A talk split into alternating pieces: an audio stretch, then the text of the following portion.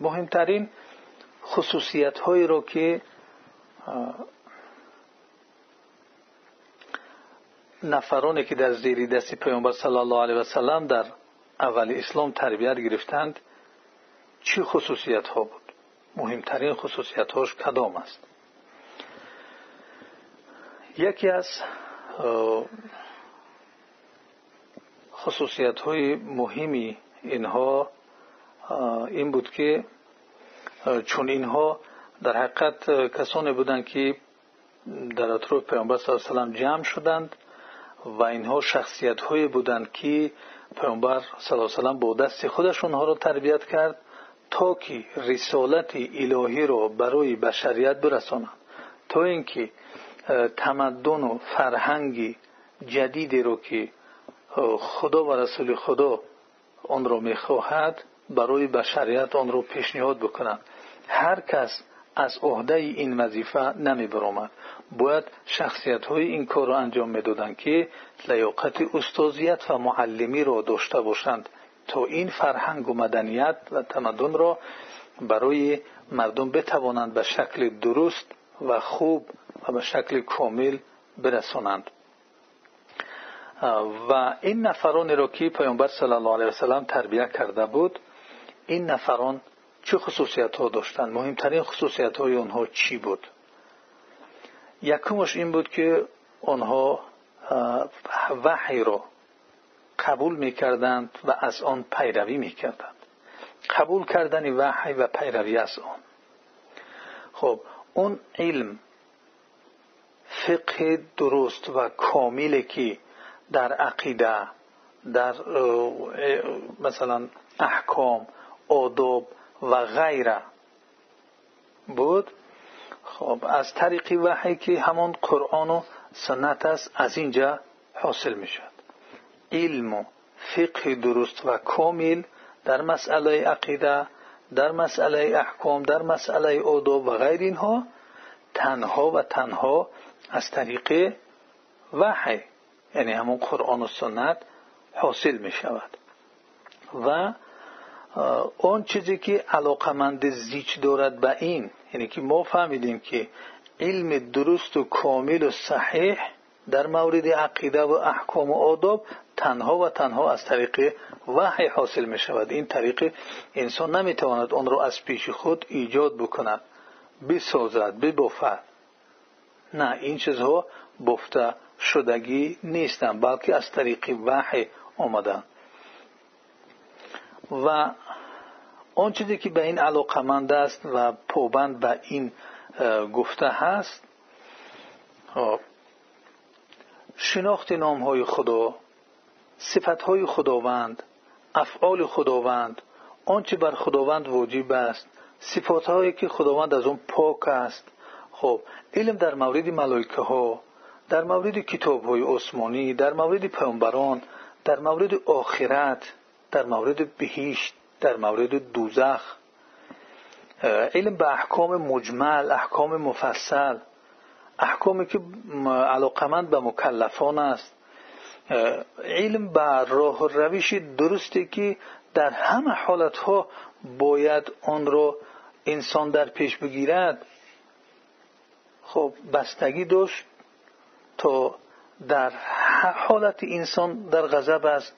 یا در حالت خوشنودی در حالت فقیری هست یا در حالت توانگری بای و دولت بودن در حالت تنجی است یا در حالت ناتنجی در حالت خیر است یا در حالت شر در حالت صلح است یا در حالت جنگ.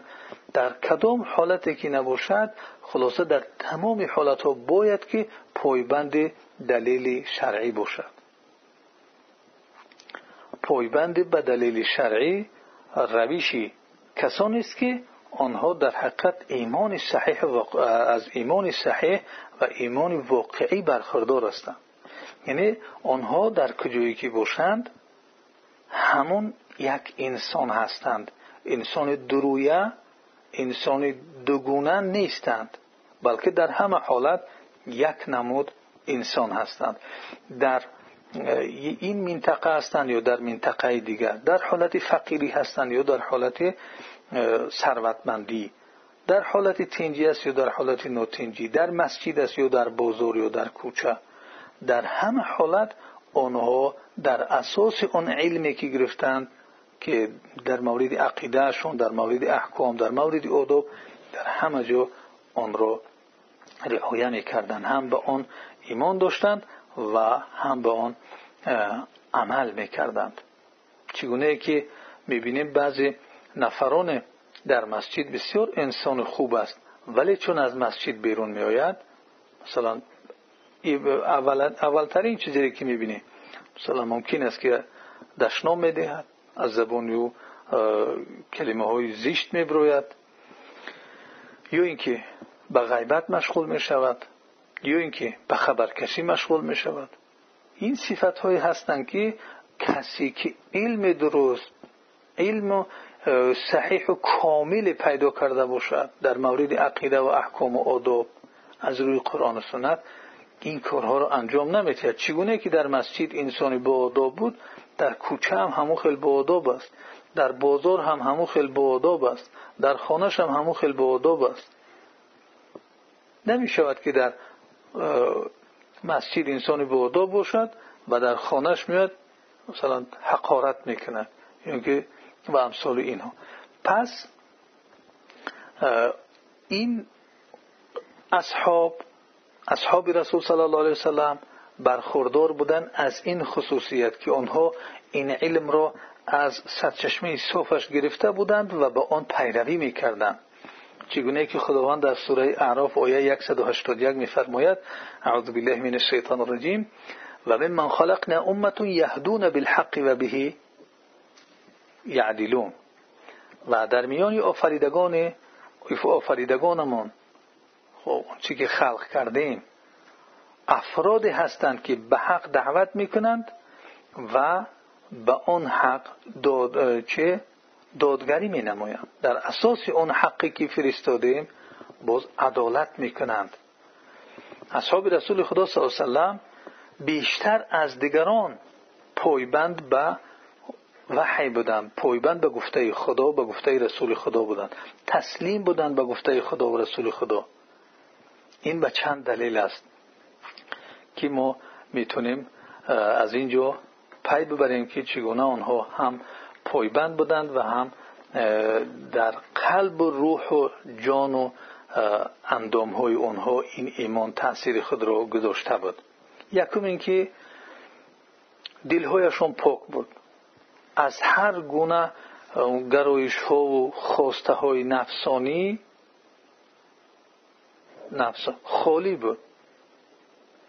و برای پذیرفتن آنچه که از جانب خدا و پیامبرش می کاملا آماده بودند.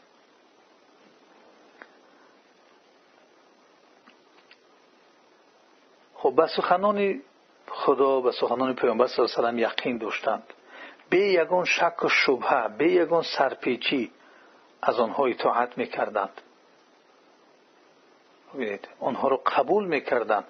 به یگان شک و شبهه به یگان سرپیچی با آنها مناسبت نموده و اطاعت خدا و رسولش رو انجام می‌دادند. گونه نبود که مثلا در میان ما هم امروز قرآن هست حدیث های پیامبر صلی الله علیه وسلم هست. ولی دلی پاک مثل دلی پاک اصحاب کرام. قلبی که در اون اون خیلی پاکی باشد که هر چیز به هر چیز آلوده نباشد این گونه دل این گونه نفس در کجاست؟ همون قرآن و همون گفته های پیامبر صلی الله علیه و وجود دارد. ولی اون پذیریشی که آنها داشتن اون قبولی رو که آنها گفته خدا را قبول می‌کردن گفته پیامبر صلی الله علیه و رو قبول می‌کردن اون در کجا وجود دارد؟ و چه اندازه مقایسه با اصحاب کرام؟ آنها بدون یگان سرپیچی بدون یگان شک و شبه اینا را قبول می‌کردن اطاعت خدا را و اطاعت رسولش را در حال می نمودند این یکمش دویم چون زندگی آنها با نزول شریعت وحی همراه بود با پیامبر صلی الله علیه همراه بود اونها هم در یک وقت زندگی می‌کردند. در یک وقتی که اونها با پیامبر صلی الله علیه و زندگی می‌کردند. در همون وقت هم شریعت نازل می‌شد وحی می اومد بنابراین شأن نزول آیه که به کدام سبب این آیت اومده است؟ و در کدام احکام به کدام احکام دلالت می‌کنند؟ نسبت به دیگرها آگاه تر بدن. آنها می‌دونستند که این آیت برای فلان مسئله آمده بود فلان کار شده بود.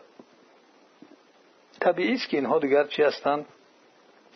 هم محیط را آگاه هستند و هم از نزول وحی که برای چی و چگونه نازل شده است. اینها بزرگترین اسبابی بودند که هم شریعت رو درست فهمیدند و درک کردند و به او عمل می‌کردند. می‌دونستند که این برای چی آمده است. میفهمیدند برای اونها دیگر شرح بود. اون سبب نزولش که برای چی آمد و از اون حالت یا در اون حالتی که این آیت آمد پیامبر صلی الله علیه و چی حکم رو گفت؟ برای اونها فهمیدن دیگر این آیت ها آسان نگردید. در اکثر وقتها چنین بود که نزول آیت های قرآن یا که وارد شدن بعضی از سنت های پیامبر صلی الله علیه وسلم در اثر چی بود؟ در اثر اینکه یک گرفتاری میان مسلمانان پیدا می‌شد یک مشکلات می‌شد. چی مشکلات فردی و چی مشکلات جامعوی یا اجتماعی؟ از این رو وقتی که نصوص شریعت وارد می‌شد چی؟ قرآن یا حدیث. به طور مستقیم مورد خطاب آنها قرار می گرفتن همون اصحاب کرام همون مردمی که در اون زمان بودن. و این تأثیری بزرگ در انسان می‌گذارد. یعنی که اون مورد خطاب قرار دارد. و تازه ترین یعنی حادثه که در اون وقتی آنها رخ می‌دهد این آیت ها و این حادث درباره همون حادثه های زمان اونهاست. خب اونها می‌دونن که این حادثه در زمان اونها رخ داده است. و این آیت و این حدیث درباره این واقعه هست درباره این حادثه است. و از جانب دیگر اینها کاملا آماده بودند. برای پذیرفتن آن گفته خدا و آن گفته رسول خدا در مورد اون حادثه. مثل اون که یک زمین خشک است و منتظری باران هست. باران با مجرد آمدنش زمین اون را قبول می‌کند. و علف میرویاند این گونه قلب های اصحاب کرام منتظر بودند برای هر حالت حیاتشان برای اون حادثه هایی که رخ می‌داد منتظری آیت ها و منتظری احادیث پیامبر صلی الله علیه و بودند تا اینکه به اونها عمل بکنند. پس ببینید که فرق چگونه هست. خب اونها نه اینکه پشت شانه خالی می‌کردند یا میگریختند یا کوشش می‌کردند راههایی بیوند که به اون آیت عمل نکنند یا به اون حدیث عمل نکنند. بلکه اونها منتظری بودند که یک آیت نوی یک حدیثی نوی پیدا بکنند و به آنها در عملشون زم شود احکامی بیشتری رو اطاعت بیشتری رو برای خدا و رسول خدا کرده باشند. و این چونین مسئله دیگر این بود که چون آنها با پیامبر اکرم صلی الله علیه وسلم هم عصر بودند در یک عصر در یک وقت زندگی می‌کردند. خب از این کوششی که بعدها پیدا شد که تشخیص می‌کردند که آیا این نس صحیح هست یا ضعیف است. از این کوشش ها اونها نیاز بودند. از این مش... یعنی مسئله هایی که بعدتر احتیاج به کوشش و به صرف وقت و امثال اینها شد آنها نیاز بودند بنابراین آنها نیاز به شناس, شناس شدن به سلسله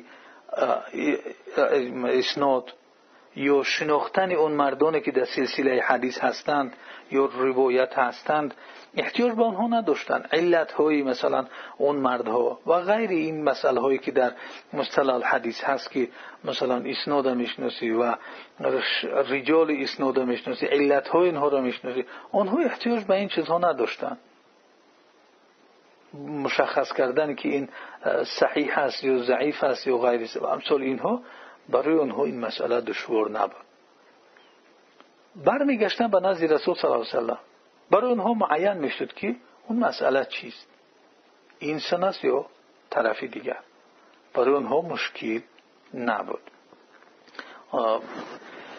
این چیزهایی بود که اون اصحاب کرام در احادیث یعنی احکام شریعت رو چی از قرآن و چی از سنت آنها میپذیرفتند و با آنها عمل می‌کردند. و این چنین از اون وحی که به آنها می اومد و ایمانی که داشتند به او وحی در روح آنها تأثیری بسیار عمیق گذاشته بود. این دوم خصوصیتی اصحاب کرام است. وحی و ایمان در قلب های آنها در روح آنها در وجود آنها تأثیر عمیق گذاشته بود.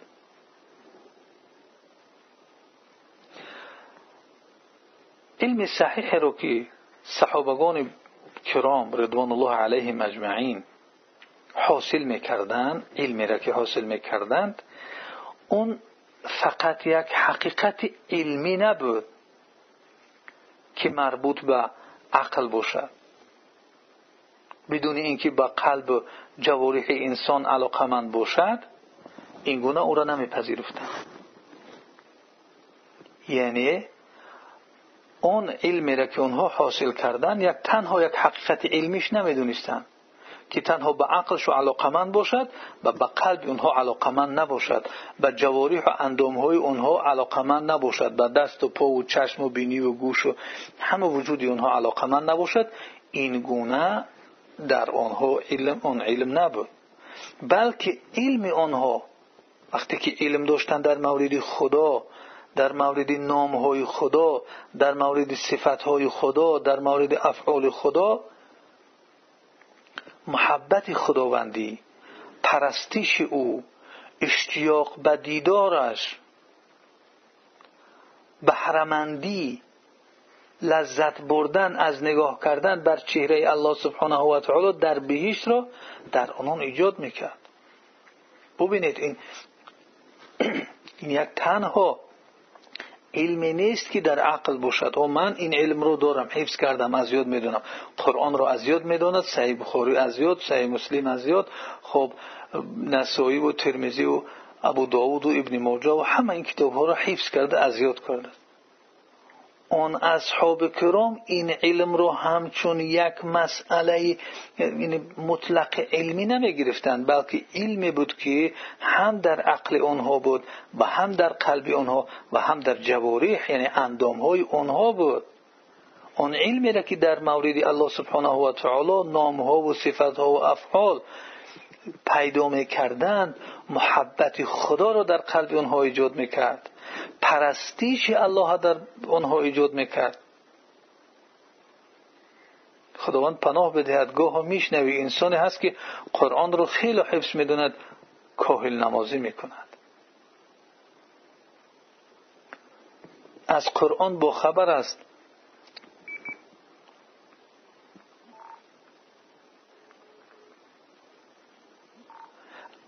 انسانی است که از قرآن با خبر است. فقط یعنی یاد که دارد مسئله که او را مشغول می‌کند فقط مسئله های اختلافی است. ولی محبت خداوند در قلب او جای ندارد. فکر کردن اندیشه کردن در محبت خداوند در قلب او نیست. پس این علم برای او چی معنی دارد؟ اصحاب کرام اون علم رو که گرفتن یعنی نامهای خدا و صفتهای خدا و افعال خدا محبت خدا رو در قلبشو ایجاد کرد. آیا امروز کسی که اسما و صفات و افعال الله سبحانه و تعالی رو علمش را به دست میارد محبت خداوند در قلبش جای می‌گیرد به اندازه اون علم ها اصحاب کرام چون آن علم ها را پیدا کردند در قلب های اونها محبت الله ایجاد شد. در اثری ایجاد شدن محبت خدا پرستش او در قلب در وجود آنها ایجاد شد که آنها دیگر می‌خواستند همیشه در عبادت الله باشند. آنها را کسی مجبور نمی‌کرد که برای نماز بخوان برای روزه بگی برای زکات بدی برای حج کن. امروز مجبور هستند یعنی انسان ها را مجبور می‌کنی که نماز بخوان. می‌داند قرآن می‌داند حدیثه اون مجبورش می‌کنی که روزه بگی. زکات نمی‌دهد چندین سال شد که و واجب گشت است در گردن او حج رفتن حالا میگه که من این سال آماده نیستم. آمادگی چی؟ مهمانی. هر انسان در این دنیا میره. ولی به مهمانی الله. آماده نیستی. خداوند همه شرایط رو برایت محیا کرده است.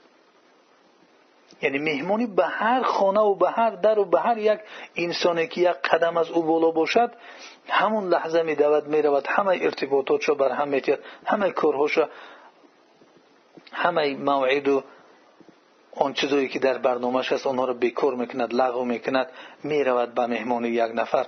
ولی الله المثل الاعلی به مهمانی خانه خدا. چرا نمی‌رود انسان؟ علم ندارد. علم دارد ولی علمی که حاصل کرده است از اسلام در قلب او پرستیش خدا را ایجاد نکرده است. محبت الله را به اندازه که لازم است در وجود او ایجاد نکرده است. اگر آن علم در وجود او ایجاد می‌کرد این محبت الله را اون پرستیش الله را مشغول می‌شد. چی از نماز چی از روزه چی از زکات چی از حج چی از دروغ نگفتن چی از پاره نگرفتن رشوه نگرفتن غیبت نکردن دشنام ندادن. آشکارا انسان هایی هستند که امرشون هم خیلی رفتگی است. دشنام میتیند در جایهای جمعیتی در پیش باز مسلمان ها اون چگونه علم خداشناسی در قلب داری کی؟ محبت الله در قلبت باشد چرا به جای آن دشنامت ذکر الله نیست؟ چرا وقتی که یک غضب میآید سبحان الله نمیگوی استغفر الله نمیگوی؟ بلکه دشنام استفاده می‌بری. دشنام روسی و تاجیکی و نمی‌دونم هر زبان دیگر دشنام ها را یاد گرفته. پس معلوم می‌شد اون علمی رو که از اسلام داریم در اندام های او جای نگرفته است.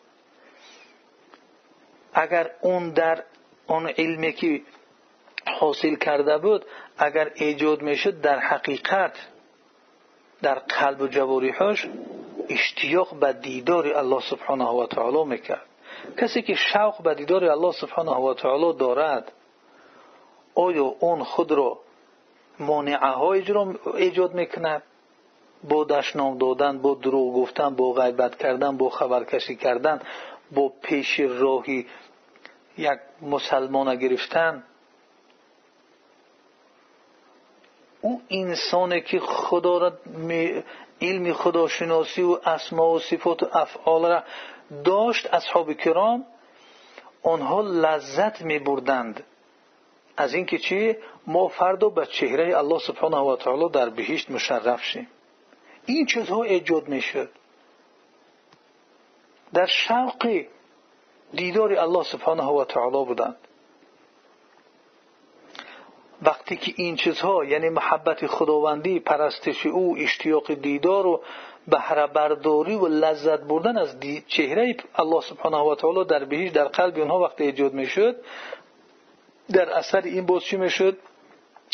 تعظیم خداوندی آنها خدا رو بزرگ می‌دونستند این خداوند ذاتی نیست که گپی او گرفته نشود. این خداوند ذاتی نیست که گپی او را انسان زورکی بگیرد نه به محبت. عبادت چیست؟ عبادت فروتنی کردن خود را خار گرفتن در پیش کسی یا چیزی با محبت. هم باید چگونه که ما نماز می‌خونیم سر خود رو پیشانه و بینی خود رو در زمین می‌گذاریم این خاری هست و باز محبت باید باشد. دوست میداری که این کار رو انجام میدی این می‌شود عبادت. اگر محبت نباشد عبادت نمی‌شود. پس این علم آنها تعظیم خداوند رو در قلبشون ایجاد می‌کرد. ترسیدن از خدا رو در قلب آنها ایجاد می‌کرد. پرهیز می‌کردند از عذاب و جزای الله سبحانه و تعالی. این چیزها رو در وجود آنها زنده می‌کرد این علمشون این چونین آنها را به پاداش هایی که در نزد خداوند برایشان وعده داده شدگی بود یعنی در بهشت و رضایی خداوند به این چیزها آنها را امیدوار می‌کرد. و گمانشان نسبت, نسبت به الله سبحانه و تعالی نیک بود. خوب بین بودن. هیچ وقت گمان بد نسبت الله سبحانه و تعالی نداشتند پس ببینید که آثار علم به خدا و ایمان به او در نزد اصحاب کرام کامل شدگی بود. که این آثارش عبارت از چی بود؟ محبت بیم و ترس و امید. این تأثیرها این آثار را این نتیجه ها را به بار آورد. محبت به بار آورد بیم و ترس به بار آورد و امید را به بار آورد. علمیان ها به بهشت دوزخ چی کار می‌کرد؟ علمیان ها به بهشت دوزخ آنها را به نعمت های جاویدانگی بهشت علاقمند می‌کرد. از عذاب وحشتناک دوزخ آنها را میترساند آنها میترسیدند سخت ترسان بودند. پس دلهای اصحاب کرام در میان چی بود؟ در میان دو چیز. نعمتی که امید داشتند که آن رو به دست بیارن و از دست رفتن اون نعمت می ترسیدند این یک جانبش دیمش در چه میان عذابی که از آن پرهیز می‌کردند که به آن عذاب گرفتار نشوند و از گرفتار شدن او بسیار حراس داشتند اینه دلهای آنها در میان این دو چیز قرار داشت. نعمتی که امیدی او را داشتند و می ترسیدند که از دست نرود آن و این چنین عذابی که پرهیز داشتند که به آن نرسند و گرفتار نشوند. از گرفتار شدنش بسیار حراس داشتند. چگونه که میگن؟ الایمان بین الخوف و رجع ایمان در میان بیم است و امیدواری هست. از یک جانب بیم داشتن و از جانب دیگر امید داشتند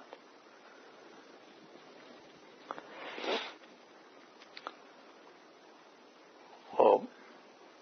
پس قلب های آنها با ترس و امید وابسته بود به چی به آخرت. گویا آنها با چشمان خود این رستاخیز و این صحرای قیامت و روز محشر می‌دیدند. گویا که با چشمان خود همین ترازویی که هست میزان را می‌دیدند. گویا که سراتی که بالای جهنم گذاشته شدگی هست به سوی بهشت او را با چشمان خود می‌دیدند.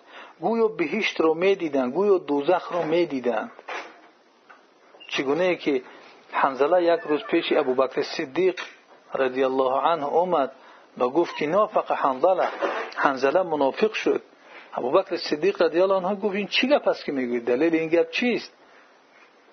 گفت در پیش رسول الله صلی الله علیه و سلم وقتی که می نشینیم در باره بهشت و دوزخ گپ می‌زند درباره نعمت ها و عذاب اون گپ می‌زند ما همچنانی که انسان به چشمش می‌بیند به همون صورت هستیم.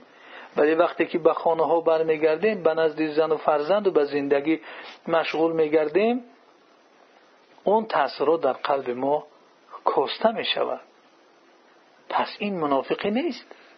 ابو بکر صدیق رضی الله عنه گفت که من همچنین حالت را احساس می‌کنم. پس حیران شد. رفتند یک جویا نزد رسول صلی الله علیه وسلم. یعنی ببینید که آنها این گونه تصور داشتند در نزد رسول صلی الله علیه وسلم چون آنها درس گرفتند.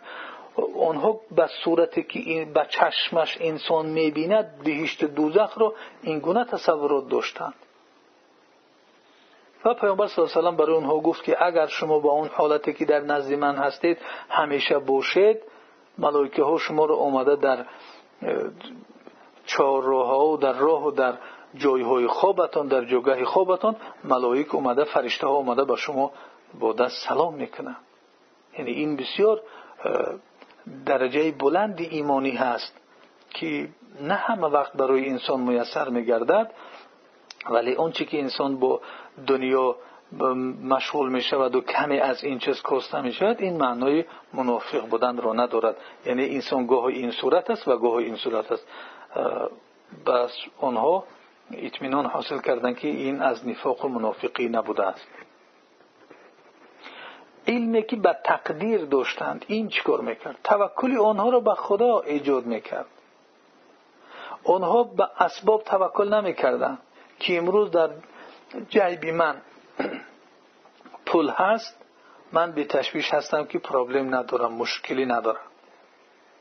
آیا ندیدیم انسانهایی را که پولهای زیاد میلیاردها دارند ولی یک قطره آب رو چشیده نمی‌تواند یک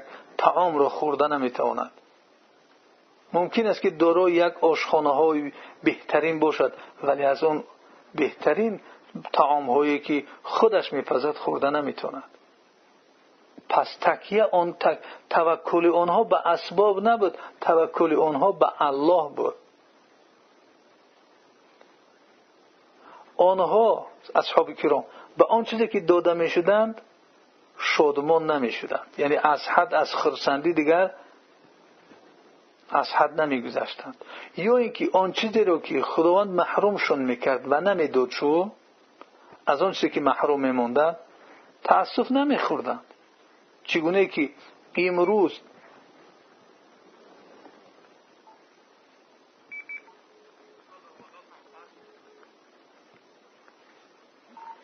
چگونه که امروز بیشتری بیماری هایی که در جامعه وجود دارد اگر نظر بکنیم همش از تاسف است. چرا؟ زیرا محروم مانده است. محرومیت سبب گشته که اکثر مردم به کسلی های قند و کسلی فشار خون و دیگر دیگر کسلی گرفتار شده است. اکثر این کسلی و بیماری هایی که در جامعه ما است از تاسف است. اصحاب کرام توکل داشتند بر خدا و بر اسباب توکل نداشتند. چی برای آنها می اومد از آنها آنها را چنان خرسند نمی‌کرد که از حد خرسند شوند. و محروم میماندند آنها تاسف از او نمیخوردند. از خداوند خوب طلب می‌کردند.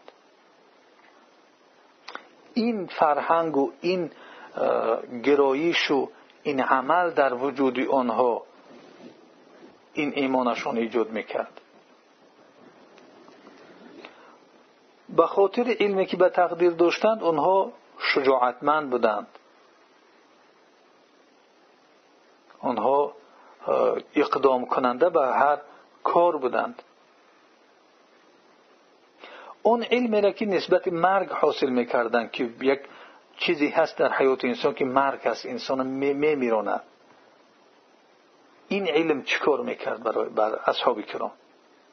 این علمشان به مرگ یا ایمانشان به اینکه در حقیقت یک چیزی هست مرگ باعث میگردید که دیگر به دنیا بسیار رو نیارند. یعنی تمام وقت خود را تمام قوه خود را برای آبادی دنیا صرف نکنند.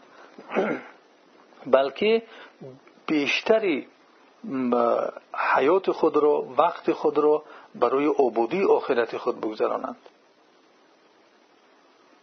و حریص بر این بودند. بسیار خواهش داشتند که اعمال صالح انجام بدهند. چرا؟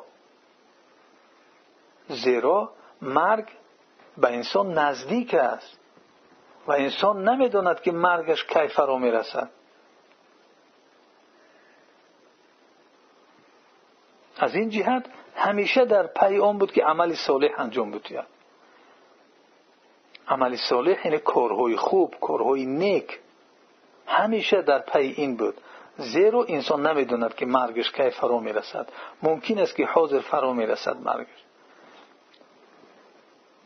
برای این کوشش می‌کرد که همیشه در عمل صالح باشد که اگر مرگ همو را فرا گرفت در حالت عمل صالح باشد. از همه عملهای زیشت دور بود. زیرا میترسید که مرگ در اطراف اوست در نزدیکی اوست. خدا نکند که در حالت یک گناه در حالت غیبت در حالت دروغگویی در حالت خبرکشی در حالت زناکاری در حالت مینوشی در این حالت انسان از دنیا بگذرد در حالت دزدی در حالت رشوهگیری و امثال اینها. یعنی ببینید که علمی که آنها به مرگ داشتند آنها رو چگونه ساخته بود. یعنی دنیا برای آنها چنان دیگر نبود که تمام قوه خود را تنها برای دنیا صرف کنند بلکه به اندازه لازم دنیا قوت صرف می‌کردند و به اندازه آخرت قوت صرف می‌کردند. دنیا در برابر آخرت قیاس بکنید که چقدر است. انسان در حیاتش مخصوصا امت محمد صلی الله علیه وسلم چگونه که در یک حدیث گفته است امت من بین 60 70 سال عمر می‌بینند. اندکی از آنهاست که از این میگذرد از این 60 70 این مفاهیم روح قطعی آنها زندگی کردند. اون علمی که پیدا کردند با این مفاهیم روحی خب بزرگترین هدفی بود که در تحصیل علم به می رود هر علمی که هرگاه علمی را که انسان حاصل می‌کند این مفهوم ها در او نباشد. این مفهوم ها و این نتیجه ها را اون علمش نتید اون علم نه تنها اینکه در دنیا و آخرت براش فایده ندارد بلکه زیانش هم دارد. اصحاب کرام از این مفهوم روحی بهره بزرگی برداشتگی بدند ایمان آنها از ایمان دیگران دیده ریشه دارتر و کاملتر بود. خب آنها ایمان تازه داشتند که گرد و غبار هوای نفسانی و غفلت در ایمان آنها ننشسته بود. و اون تعلیمات و این ایمان رو از پیامبر صلی الله علیه وسلم آموختند. در مکتب پیامبر صلی الله علیه وسلم اصحاب رسول خدا صلی الله علیه وسلم انسان هایی نبودند که شاید انسان گمان کند که تنها اونها دیگر فقط به عبادت و در کنج مسجد و امثال این مشغول بودن. نه. فرسان به نهار رهبان باللیل بودند. یعنی در روز آنها سوارگان بودند در شب آنها عبادت عبادت کنندگان بودند. یعنی دو طبیعتی که در روز این بسیار شجاع بسیار کارمند بسیار سواره یعنی کارمند بودند در روز تکاپوی زندگی در شغل میورزیدند و در شب هم چی بودند؟ عبادتگر بودند.